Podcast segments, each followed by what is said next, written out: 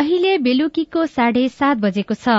सामुदायिक सूचना नेटवर्क सीआईएनबाट अब प्रसारण हुँदैछ साझा खबर।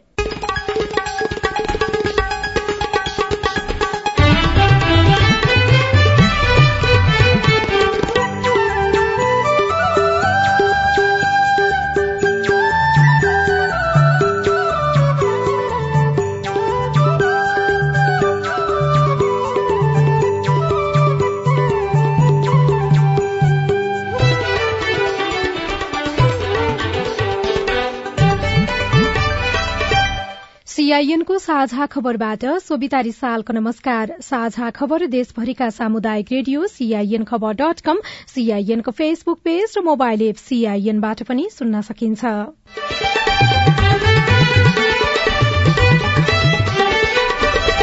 सत्ता गठबन्धनमा पद प्राप्तिको प्रतिस्पर्धा भइरहेको कांग्रेसको टिप्पणी प्रधानमन्त्री प्रचण्डलाई विश्वासको मत दिने नेकपा यसको संकेत सुदूरपश्चिम प्रदेशमा सरकार गठन गर्न आह्वान।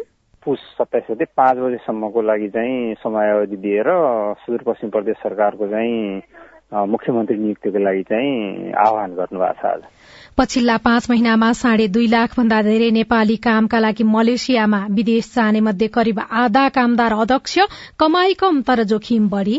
गरिबको चाहिँ पहुँच छैन कि सबभन्दा ठुलो कुरो त्यो बजार आएर सिक्नलाई पैसा छैन गाउँ गाउँमा सिपको चाहिँ अब राम्रो व्यवस्था छैन प्रणालीहरू छैन त्यही त कोरोना विरूद्धको पन्ध्र लाख मात्रा बुस्टर डोज खोप नेपाल आउँदै सुदूरपश्चिम प्रदेशमा खडेरीका कारण कृषि उत्पादन घट्ने चिन्ता समयमा नतिजा नआउँदा त्रिवीका हजारौं विद्यार्थी हैरान। थर्ड इयरको रिजल्ट टाइममा नआउँदै गर्दाखेरि धेरै विद्यार्थीहरू सिम्याट फर्म भरिसकेको हुँदा पनि मास्टर जोइन गर्न पाएका थिएनन्। र Nepal T twenty cricket league बारे अख्तियारद्वारा छानबिन शुरू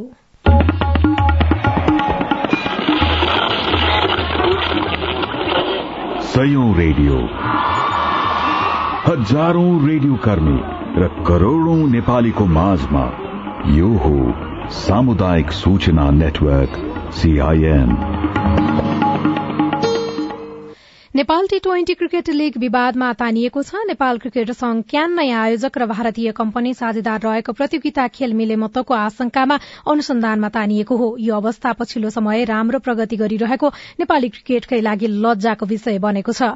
यसबारे यथार्थ छानबिन गरी दोषीलाई कार्यवाही गर्न र आगामी दिनमा यस्ता विवाद आउन नदिन सरोकारवाला सबैले ध्यान दिन जरूरी छ। अब खबर अविनाश आचार्यबाट। संसदमा विश्वासको मत लिन प्रधानमन्त्री पुष्पकमल दाहाल प्रचण्डले सांसदहरूसँग छलफल छलफल थाल्नु भएको छ। प्रचण्डले आउँदो छब्बीस गते विश्वासको मत लिने तयारी छ। नेकपा एकीकृत समाजवादी बाहेक नै एक सय उनसत्तरी जना सांसदको समर्थनमा प्रधानमन्त्री बन्नुभएका प्रचण्डले विश्वासको मतका लागि समस्या नदेखिए पनि आज नेकपा यसका अध्यक्ष माधव कुमार नेपाललाई भेटेर आफूलाई विश्वासको मत दिन आग्रह गर्नुभएको छ। जवाफमा अध्यक्ष नेपालले यसबारेमा अझै निर्णय नगर्ने तर सोच्न सक्ने बताउनुभयो। उहाँले विश्वासको मत दिनु पर्यो माग गर्नुभएको छ। अब हामी यस बारेमा चाहिँ पार्टीमा छलफल गर्छौँ। खालि विश्वासको मतको बारेमा कुरा गर्छ। यसैबीच प्रदेशतर्फ पनि सरकार गठनको प्रक्रिया शुरू भएको छ। सुदूरपश्चिमका प्रदेश प्रमुख देशराज जोशीले आगामी पुष सत्ताइस गते साँझ पाँच बजेभित्र प्रदेश सरकार गठनका लागि आह्वान गर्नुभएको छ।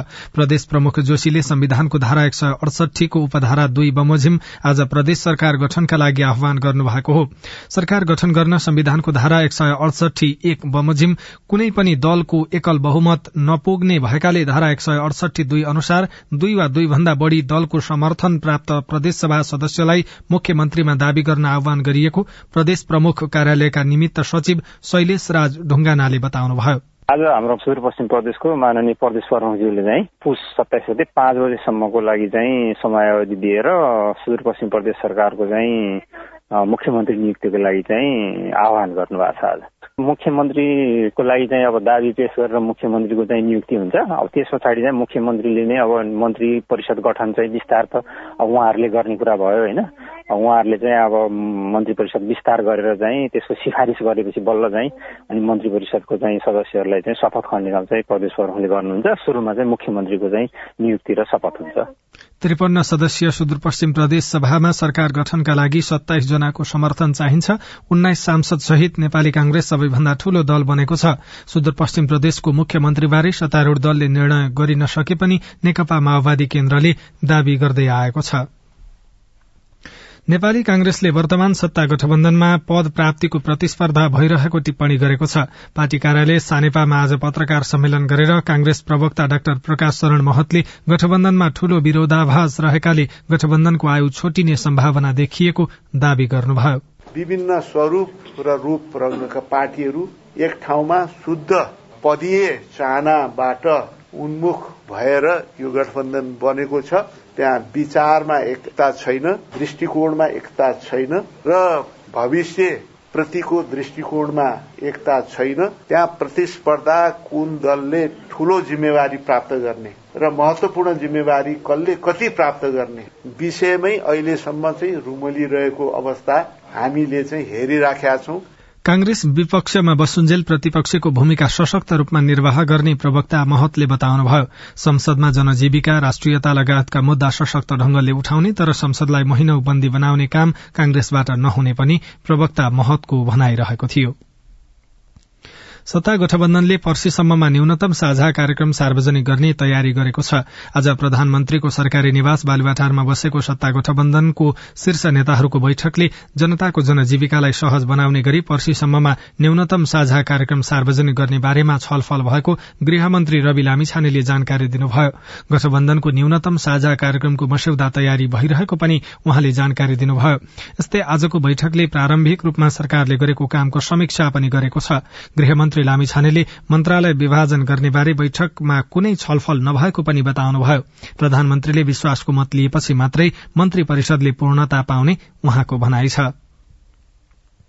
पछिल्लो पाँच वर्षमा नेपाली भान्सा झण्डै दोब्बरले महँगो भएको छ। नेपाली खुद्रा व्यापार संघका अनुसार भान्सामा बढ़ी खपत हुने चामल दाल गेडागुड़ी लगायत खाद्यान्नको मूल्य पाँच वर्षमा दोब्बर भएको हो। गत वर्षकै तुलनामा अहिले चामलको मूल्य किलोमा बीस रूपियाँसम्मले बढ़ेको छ। त्यस्तै चना केराउ राजमा सिमी भटमास लगायत गेडागुड़ीको मूल्य पनि बढ़ेको छ। दुई हजार पचहत्तर सालमा एक सय बीस रूपियाँ रहेको कालो भटमासको मूल्य अहिले प्रति किलो तीन सय रूपियाँ पुगेको छ। पाँच वर्ष अघि प्रति किलो एक सय हाराहारीमा पाइने दालको मूल्य अहिले एक सय पचास रूपियाँ भन्दा बढ़ी पुगेको खुद्रा व्यापार संघले जनाएको छ। संसारभरकै मागका लागि खाद्यान्न तथा रासायनिक मलको प्रमुख निर्यातकर्ता युक्रेन र रूसको युद्धका कारण विश्वभर नै खाद्यान्नको उत्पादनमा असर गरेको र त्यसले अचाकले मूल्य बढ़ाएको अध्ययनहरूले देखाएका छन्। सरकारले स्वदेशी उत्पादन बढ़ाउने नीति लिए पनि प्रभावकारी कार्यान्वयन किन हुँदैन? सीआईएनसँग अर्थविद चन्द्रमणि अधिकारीले भन्नुभयो। अब पहिला घोषणा गर्दा नै त्यो घोषणा आफूले गरेको घोषणालाई कार्यान्वयनमा गर्न के कुरा चाहिँदो रहेछ भन्ने कुराको अध्ययन भएको हुँदैन। जुन कुरा घोषणा गरिएको हुन्छ त्योसँग जोडेर कार्यक्रम ल्याइएको हुँदैन। कार्यक्रम केही न्यूनतम रूपमा आएको रहेछ भने पनि त्यो कार्यक्रमलाई समयमै सम्पन्न गर्नको लागि तदरूपता देखाइँदैन त्यसको लागि स्रोत साधन समयमा ठाउँमा पुर्याइँदैन र त्यो भयो नभए भए भएन भनेर समयमा अनुगमन पनि नगरिएको कारणले गर्दा हाम्रा नीतिहरू कागजमा मात्रै सीमित भएका हुन्। पछिल्लो पाँच महिनामा दुई लाख चौवन्न हजार भन्दा बढ़ी नेपाली कामका लागि मलेसिया गएका छन्। साउनदेखि मंगिर मसान्तसम्ममा दुई लाख चौवन्न हजार दुई सय उनानब्बे जना नेपाली मलेसिया गएको वैदेशिक रोजगार विभागले जनाएको छ। जसमा विभागलाई बुझाइएको तथ्याङ्कमा दश प्रतिशत सेवा शुल्क बुझाएर एक लाख पचपन्न हजार तीन सय अठार जना मलेसिया गएको विभाग को तथ्याङ्कले देखिएको छ। सरकारले मलेसिया साउदी युए लगायत मुलुकमा शून्य लागतमा कामदार पठाउने नीति लिएको छ तर उक्त नीति पूर्ण रूपमा कार्यान्वयनमा आउन भने सकेको छैन। वैदेशिक रोजगारदाता व्यवसायीले मनलाग्दी शुल्क लिने र श्रमिकलाई शून्य लागतमा पैसा लिएको भन्न लगाउने गरेको श्रमिकले गुनासो गर्दै आएका छनृ।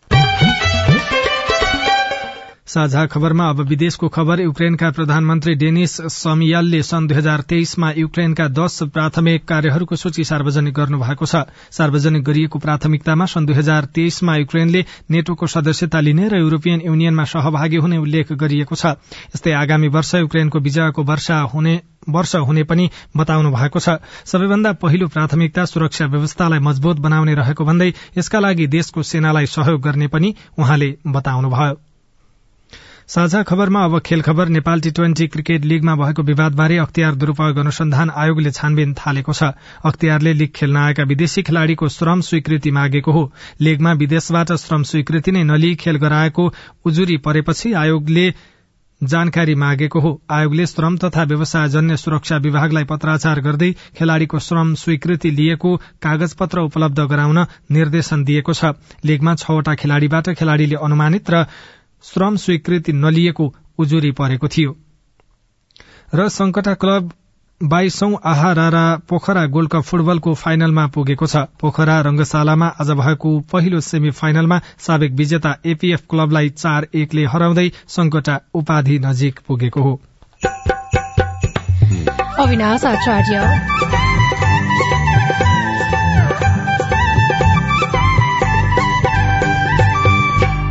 लामो समयसम्म खडेरी पर्दा गहुँ र जौ सुक्न थाल्यो। गहुँ बालीमा चाहिँ एकदमै हरास आउला जस्तो लागिरहेको छ। हामी किसानहरूलाई यो सालमा पनि एकदमै भोकमारी हुन्छ जस्तो लागेको छ। खाद्यान्न अभाव हुन सक्ने चिन्ता रिपोर्ट त्रिवीमा बेथिति परीक्षा दिएको डेढ वर्षसम्म पनि आउँदैन नतिजा लगायतका सामग्री बाँकी नै छन्। सीआईएनको साझा खबर सुन्दै गर्नुहोला। सबैलाई नमस्कार। अध्यक्ष उपाध्यक्ष सदस्य सबै पो आउनुभएछ त। हामी त विपद व्यवस्थापनमा जनप्रतिनिधिको भूमिकाकै बारेमा पो छलफल गर्दै थियौं। अनि के छ निष्कर्ष सुनौ न त? बाढ़ी पहिरो भूकम्प लगायतका विपदको समयमा महिलाका समस्या सम्बोधन गर्न पालिकाले अझ धेरै काम गर्न सक्छ भन्ने हाम्रो बुझाइरह्यो। विपद सम्बन्धी स्थानीय नीति कानून मापदण्ड बनाउने र कार्यान्वयन अनुगमन नियमनको अधिकार स्थानीय सरकारलाई छ। त्यसमा महिलाको पनि सहभागिता बढाउनु पर्यो। पालिकाको अध्यक्ष मै छु। पाएको अधिकार अनुसार हामी बनेको कानून कार्यान्वयन गर्ने अनि आवश्यक कानून बनाउने चरणमै छौ। अब तपाईँका सुझाव पनि समेटिन्छन् है। विपदको तयारी र प्रतिकार्यका लागि पालिकामा रहेको संयन्त्र र योजना अनि नीतिहरू महिला बालबालिका अपाङ्गता भएका यौनिक अल्पसंख्यक समुदायका व्यक्तिको आवश्यकतामा आधारित हुनु पर्यो अध्यक्षज्यू। दिदी बहिनीहरूले सही कुरा उठाउनु भयो यहाँ उठेका सबै कुरा कार्यपालिकाको बैठकमा राख्ने प्रतिबद्धता जनाउँदै बरु अध्यक्षज्यू अहिलेसम्म बनेका कानून कस्तो बने? अनि भविष्यमा कस्तो बनाउने भन्ने बारे भोलि नै एउटा छलफल राखौं न हुन्न? विपद पहिले विपदको बेला र विपद पछि कस्तो नीति बनाउने र महिलालाई कसरी सम्बोधन गर्ने भन्ने बारेमा भोलि नै सर्वपक्षीय बैठक गरौं। आएका सुझाव समेटेर बनेका कानून संशोधन र नयाँ कानून बनाउन पालिका तयार छ। विपद सम्बन्धी कानून निर्माण र कार्यान्वयनमा महिलाको अर्थपूर्ण सहभागिता खोजौं। युएन उमनको सहयोगमा ल्याक र अकोराब नेपाल। सामाजिक रूपान्तरणका लागि यो हो सामुदायिक सूचना नेटवर्क सीआईएन तपाई सामुदायिक सूचना नेटवर्क सीआईएनले तयार पारेको साझा खबर सुन्दै हुनुहुन्छ। कोरोना भाइरस विरूद्धको अतिरिक्त मात्रा अर्थात बुस्टर डोजका लागि पन्ध्र लाख मात्रा खोप नेपाल आउने भएको छ।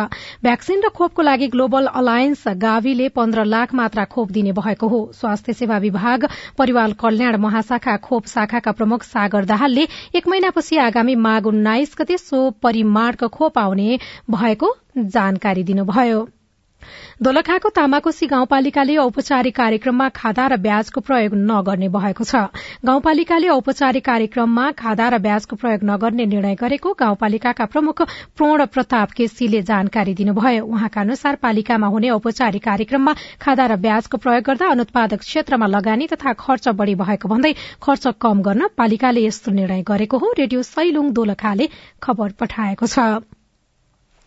डडेलधुरामा आठ हजार सात सय चौवालिस हेक्टर क्षेत्रफलमा गहुँ खेती गरिएको छ तर यो वर्ष खडेरीका कारण गहुँ बाली सुक्न थालेकाले उत्पादन घट्ने देखिएको छ। यो वर्ष हिउँदे वर्षा नहुँदा डडेलधुरामा गहुँ बाली सुक्न थालेको छ। सिंचाईको सुविधा नभएको ठाउँमा गहुँ बाली सुक्न थालेको हो। खेतमा लगाएको गहुँ सुक्न थालेपछि चिन्ता शुरू भएको छ। खेतमा सिंचाईको सुविधा छैन। हिउँदमा पर्ने खडेरीका कारण गहुँ उत्पादनमा कमी आउने गरेको नवदुर्गा गाउँपालिका पाँचका अर्का किसान टेक बहादुर साउद बताउनुहुन्छ। गहुँ बालीमा चाहिँ एकदमै हरास आउला जस्तो लागिरहेको छ। हामी किसानहरूलाई यो सालमा पनि एकदमै भोकमारी हुन्छ जस्तो लागेको छ। डडेलधुरामा आठ हजार सात सय चौवालिस हेक्टर क्षेत्रफलमा गहुँ खेती हुँदै आएको छ। गत वर्ष पनि खडेरी परेका कारण एक दशमलव पाँच मेट्रिक टन प्रति हेक्टर मात्रै गहुँ उत्पादन भएको थियो। यो वर्ष पनि सिंचाई सुविधा नभएका ठाउँमा खडेरीको प्रभाव पर्न सक्ने आकलन कृषि ज्ञान केन्द्र डडेलधुवाका प्रमुख रामचन्द्र भट्टको छ। विशेष गरेर गहुँको राम्रो उत्पादकत्व लिनका लागि गहुँ उम्रेको एक्काइसदेखि तीस दिनभित्र टिलरिङ भन्छौँ हामी गाँज आउने जो अवस्था हुन्छ त्यो अवस्थामा चाहिँ गहुँले पानी पाएन भने गहुँको उत्पादनको हामी अनुमान गरिरहेछौँ त्यो चाहिँ यस वर्ष पनि घट्ने सम्भावना देखेका छौँ। हिउँदे वर्षा नभएको खण्डमा यसपटक गहुँको उत्पादन घट्ने निश्चित जस्तै बनेको छ। Tarkaraj Bhatta CIN radio Amargadhi Dadeldhura. देशभर चिसो बढ़ेको छ तर पानी परेको छैन। हिउँदे वर्षा नभएपछि बाजुराका किसानहरू पनि चिन्तित छन्। बाजुरामा अहिले जौ गहुँ लगायत बाली लगाइएको छ तर सिंचाईको अभावमा खेती सुक्न थालेको छ। कृषि ज्ञान केन्द्र बाजुराका अनुसार बाजुरामा दस हजार चार सय साठी हेक्टर क्षेत्रफलमा गौँ खेती गरिँदै आएको छ। बाजुराको कुल खेती योग्य जमिनको बीस प्रतिशत जमिनमा मात्रै सिंचाई पुगेको छ। अस्सी प्रतिशत जमिनमा अझै सिंचाईको सुविधा छैन। खेतीपाती आकाशे पानीको भरमा गर्नुपर्ने बाध्यता छ। हिउँदे वर्षा नहुँदा किसानहरू चिन्तित बनेका छन्। पानी आएन रुडो पर्यो खानालाई पनि समस्या भयो। सबभन्दा लागेको बाली सबै सुकिगयो। अब हामीले के गरेर बाँच्ने हो? गाउँ सबै सुकिया अब लागेको खेती पनि मेघ आएन के आएन खाउँ के अब यसै भयो के गरौँ अब? खाउँ खाउँ लाउन भन्नु लायौँ। भएन। मेघ केही आएन मेघ अब बाली पनि सुक्यो त्यसै गरेर। खाउँला के अब? यसपटक गहुँ जौ तथा मसुरो छर्ने बेलामा पानी परेनन् अहिले सिंचाई गर्ने समयमा पनि खडेरी परेपछि अब उत्पादन घट्ने र खाद्यान्न अभाव हुने चिन्तामा किसान छन् यसै पनि बाजरामा खाद्यान्नको अभाव भइरहन्छ।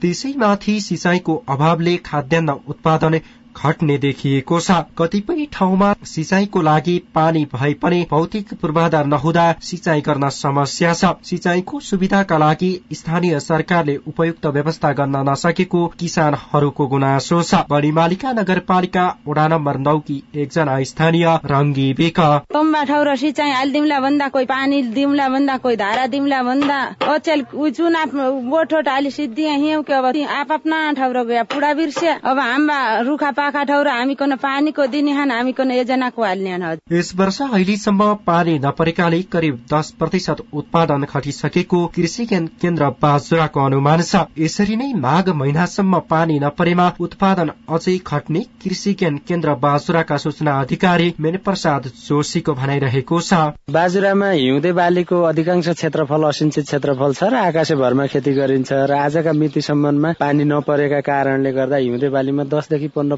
पर्सेन्ट उत्पादनमा क्षतिको हरास हुने सम्भावना देखिन्छ र यो अझै माघसम्ममा यदि पानी परेन भने लगभग बिसदेखि पच्चिस प्रतिशत हिउँदे बालीको उत्पादनमा चाहिँ हरास हुने अवस्था छ। वर्षात्मक पनि बाढ़ी पहिरोले जिल्लाभर लगाइएको कोदो र धान खेती मध्ये पन्ध्र प्रतिशतमा क्षति पुगेको थियो। वर्षात्मक पनि उत्पादनमा कमी भएको र हिउँदमा पनि वर्षा नहुँदा जिल्लामा खाद्य संकट हुन सक्ने भन्दै किसानहरू चिन्तित भएका छन्। Mine Bahadur Khadka CIN radio Paurakhi Bajura.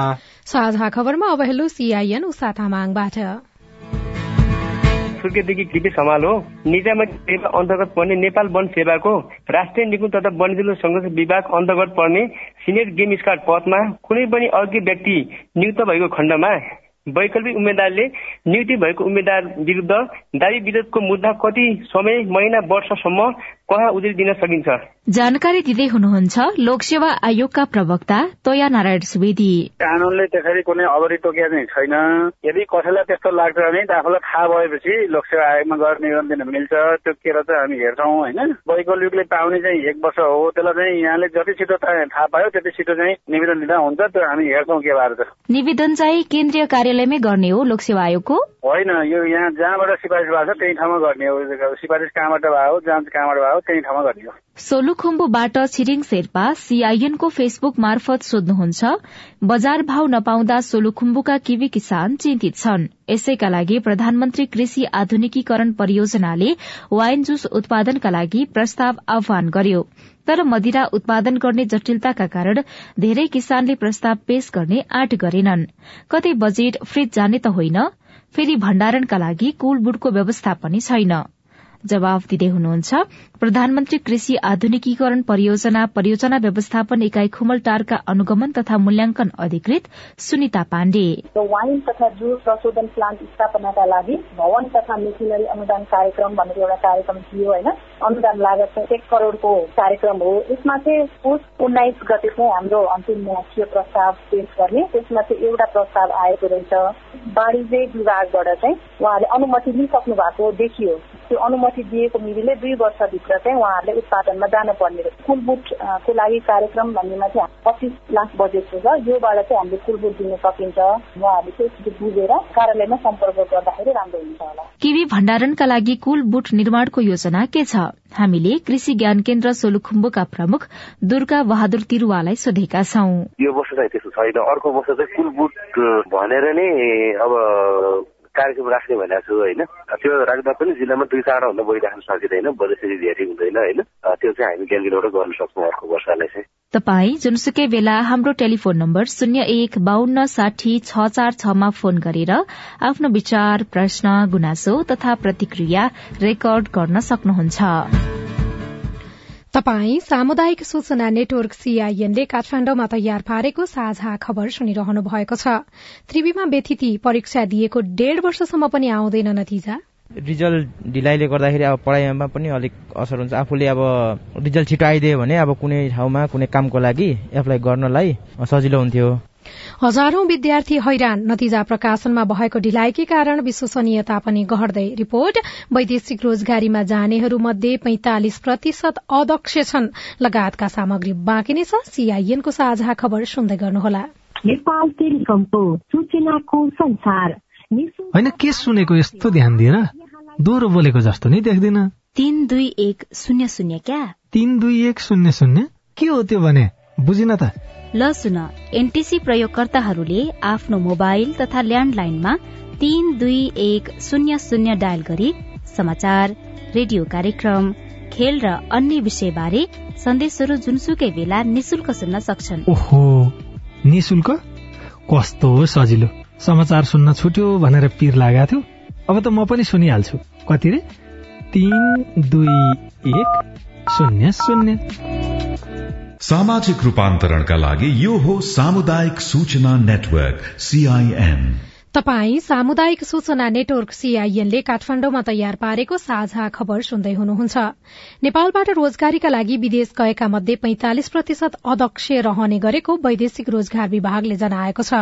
कुनै सिप नसिकी विदेश जाँदा पारिश्रमिक कम मात्रामा पाउने मात्रै नभई अनेकौं खालका जोखिम पनि बेहोर्नुपर्छ। तैपनि नेपाली कामदार किन दक्ष नभई विदेश गइरहेका छन् त? सर्लाहीका रामकुमार कार्की रोजगारीका लागि कतार जाने तयारी गरिरहनु भएको छ तर उहाँले कुनै सिप भने सिक्नु भएको छैन। सिप नभएकै कारण उहाँलाई मेन पावर कम्पनीले जुन काममा पठाउँछ त्यसैमा जानुपर्ने बाध्यता छ। सिप सिक्ने व्यवस्था पनि छैन अनि त्यहाँ चाहिँ अब गरिबको चाहिँ पहुँच छैन कि सबभन्दा ठुलो कुरो त्यो बजार आएर सिक्नलाई पैसा छैन गाउँ गाउँमा सिपको चाहिँ अब राम्रो व्यवस्था छैन। अब सबै कुराहरू सिप सिकाउनेहरू चाहिँ माध्यमहरू अब प्रणालीहरू छैन त्यही त दुई हजार छयत्तर सालमा दक्षिण कोरिया गएर फर्कनु भएका पर्वतका विष्णु गौडेल फेरि कोरिया जाने तर्खरमा हुनुहुन्छ। तर उहाँले न त पहिले कुनै सिप सिकेर जानुभयो न त अहिले नै सिप सिक्नु भएको छ। हामी नेपाल सरकारबाट म जाँदाखेरि मैले थाहा पाएको छु अनस्किल लेबरमै गएको म। दक्ष भएर काम जानेर जानु पाएको भएदेखि फरक हुन्थ्यो होला। दक्ष भएर जानु र नेपाल सरकारबाट पनि त्यस्तो कोटाहरू हुनु अनि नेपालमा पनि सिप सिकेर पठाइदिनु भनेको त्यो त धेरै नै राम्रो हुन्छ नि। वैदेशिक रोजगार विभागका अनुसार नेपालबाट हाल दैनिक औसतमा दुई हजार जना रोजगारीका लागि विदेश जाने गरेकोमा नौ सय भन्दा बढ़ी अध्यक्ष रहने गरेका छन्।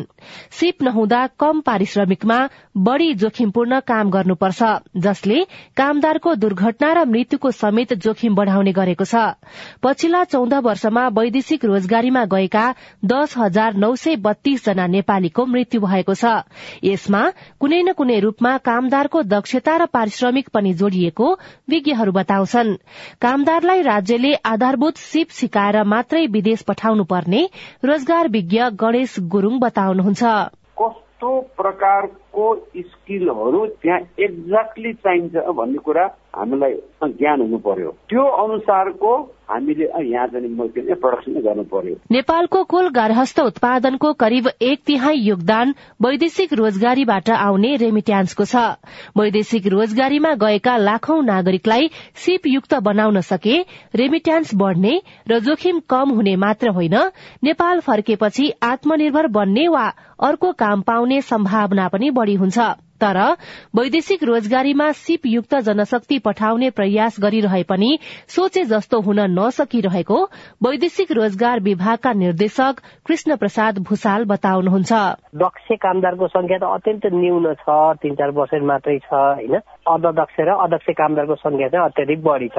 विभिन्न टेक्निकल इन्स्टिच्युट भए सँगसँगै थुप्रै मन्त्रालय होस् अथवा स्थानीय तहहरू हुन् अथवा प्रदेश सरकारहरू सबैले आफ्नै हिसाबले चाहिँ सिपयुक्त जनशक्ति उत्पादन गर्नका लागि भूमिका खेलिरहेछन्। नखेलेका होइनन् होइन। यद्यपि जति हुनुपर्ने त्यो किसिमको छैन। त्यसमा वैदेशिक रोजगार विभागले हेर्ने भनेको चाहिँ छुट्याउने कुरा मात्रै भयो। यसका आफ्नै कार्यक्रम चाहिँ छैनन्। वैदेशिक रोजगारीमा जान चाहने मध्ये कतिपयले सिप सिक्न पनि नचाहने गरेका छन्। तर एकातिर जोखिम कम हुने र अर्कोतिर पारिश्रमिक पनि बढ़ी हुने भएकाले वैदेशिक रोजगारीमा आफ्नो रूचि अनुसारको सिप सिकेर जानु कामदारका लागि पनि फाइदाजनक छ। सुशीला श्रेष्ठ सीआईएन काठमाडौँ त्रिभुवन विश्वविद्यालय नेपालमा रहेका नौवटा विश्वविद्यालय मध्ये सबैभन्दा पुरानो र देशभर विस्तार भएको विश्वविद्यालय हो। त्रिवीका नौवटा संकायका चालिस केन्द्रीय विभाग बैसठीवटा आंगिक क्याम्पस र एक हजार बैसठीवटा सम्बन्धन प्राप्त कलेजमा आठ लाख विद्यार्थी अध्ययनरत छन्। तर समयमा नतिजा प्रकाशन नहुँदा हजारौं विद्यार्थीलाई समस्या भएको छ। बझाङका बालकृष्ण खड्का गत वर्ष नै स्नातकोत्तर तहमा भर्ना हुनुपर्ने थियो तर त्रिभुवन विश्वविद्यालयले स्नातक तह तेस्रो वर्षको परीक्षाफल समयमै सार्वजनिक नगर्दा उहाँ एमपीएस भर्ना हुन पाउनु भएन। नतिजा नआएकै कारण एक वर्ष खेर गयो। त्योभन्दा अघिल्लो वर्षमा second year third year back भएका विद्यार्थीहरूले पनि टाइममै रिजल्ट आउँदै गर्दाखेरि मास्टर्स जोइन गर्न पाएका थिए तर last year two thousand seventy eight सालमा थर्ड इयरको रिजल्ट टाइममा नआउँदै गर्दाखेरि धेरै विद्यार्थीहरू सिम्याट फर्म भरिसक्दा पनि भरिसकेको हुँदा पनि मास्टर जोइन गर्न पाएका थिएनन्। भक्तपुरका राजकुमार राजवंशी स्नातकोत्तर तह अध्ययनको लागि विदेश जाने योजनामा हुनुहुन्छ तर स्नातक तहको नतिजा कुरेकै एक वर्ष बढ़ी समय भयो। नतिजा समयमा नआउँदा विदेशमा पढ्न जाने बाटो रोकिएको छ यतै रोजगारीको अवसर पनि पाइएको छैन। रिजल्ट ढिलाइले गर्दाखेरि अब पढाइमा पनि अलिक असर हुन्छ। आफूले अब रिजल्ट छिटो आइदियो भने अब कुनै ठाउँमा कुनै कामको लागि एप्लाई गर्नलाई सजिलो हुन्थ्यो। त्रिभुवन विश्वविद्यालयमा अध्ययनरत विद्यार्थीले छ महिना पढेको एक सेमेस्टरको नतिजाको लागि झण्डै डेढ़ वर्षसम्म कुरिरहेका छन्। अहिले मानविकी र व्यवस्थापन संकायको चौथो सेमेस्टरको परीक्षा दिएर बसेकाहरू नतिजाको पर्खाइमा छन्।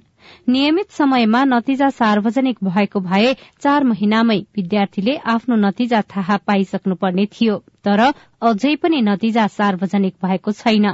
परीक्षा नियन्त्रण कार्यालय बल्कुसँग समयमा नै परीक्षाको नतिजा प्रकाशन गर्न नसक्नुका कैयौं कारण छन्। सहपरीक्षा नियन्त्रक डाक्टर घनश्याम ठाकुर। प्राविधिक कारणहरू छन् त्यहाँ कोभिडले गर्दा सेन्टर चेन्ज भएको ठाउँ ठाउँमा विद्यार्थीहरू जो जहाँ मलाई त्यहाँ परीक्षा दिएका थिए।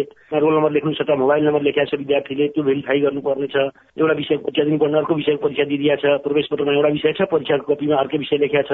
यस्ता थुप्रै कारणहरू छन् जसले गर्दा हामीलाई त्यो सबै म्याचिङ गर्दाखेरि विद्यार्थी संख्या थुप्रो भएको हुनाले समय लागेको त्रिभुवन विश्वविद्यालयले यसअघि तीनदेखि चार महिनाभित्रै नतिजा सार्वजनिक गर्ने गरेको थियो तर पछिल्लो समय नतिजा सार्वजनिक गर्नका लागि एक वर्ष भन्दा धेरै समय लाग्ने गरेको छ। समयमा नै नतिजा प्रकाशित नहुँदा विश्वविद्यालयको गरिमा नै खस्कने भएकाले यसमा ध्यान दिन विद्यार्थीहरूको सुझाव छ। म मोहन खनाल म थोरै पैसामा चाहिँ गुणस्तर दिने शिक्षा दिने स्थल हो नि त टियो त। अहिले यसको ठाउँ अरूले लिइरहेका छन्। बढीभन्दा बढी पैसा लिएर चाहिँ स्टुडेन्टलाई चाहिँ भर्ना गरिरहेका छन्। यो स्थिति कहाँबाट आयो भने यहीँको टियुबाट आयो। यो त यिनीहरूले समाधान गरेन भने त भोलि त टियु आफैको भविष्य छैन मेरो नाम निलम कुशवाहा हो। म चाहिँ यहाँ बाह्र जिल्लाबाट आएको हो। क्यालेन्डर अनुसार काम गर्न त यहाँको प्रशासनको कमी कमजोरी होला यहाँ होइन? प्रशासनले पनि त्यो कुरो बुझ्नुपर्छ। नतिजा प्रकाशनमा ढिलाइ हुँदा नयाँ भर्नामा समेत प्रभाव परिरहेको छ। एक त राजनीति हावी हुने र पढ़ाई नै कम हुने अर्को परीक्षा र नतिजा समयमा नहुने भन्दै त्रिभुवन विश्वविद्यालयप्रति विद्यार्थीको आकर्षण नै कम हुन थालेको छ। सजना सीआईएन काठमाडौँ।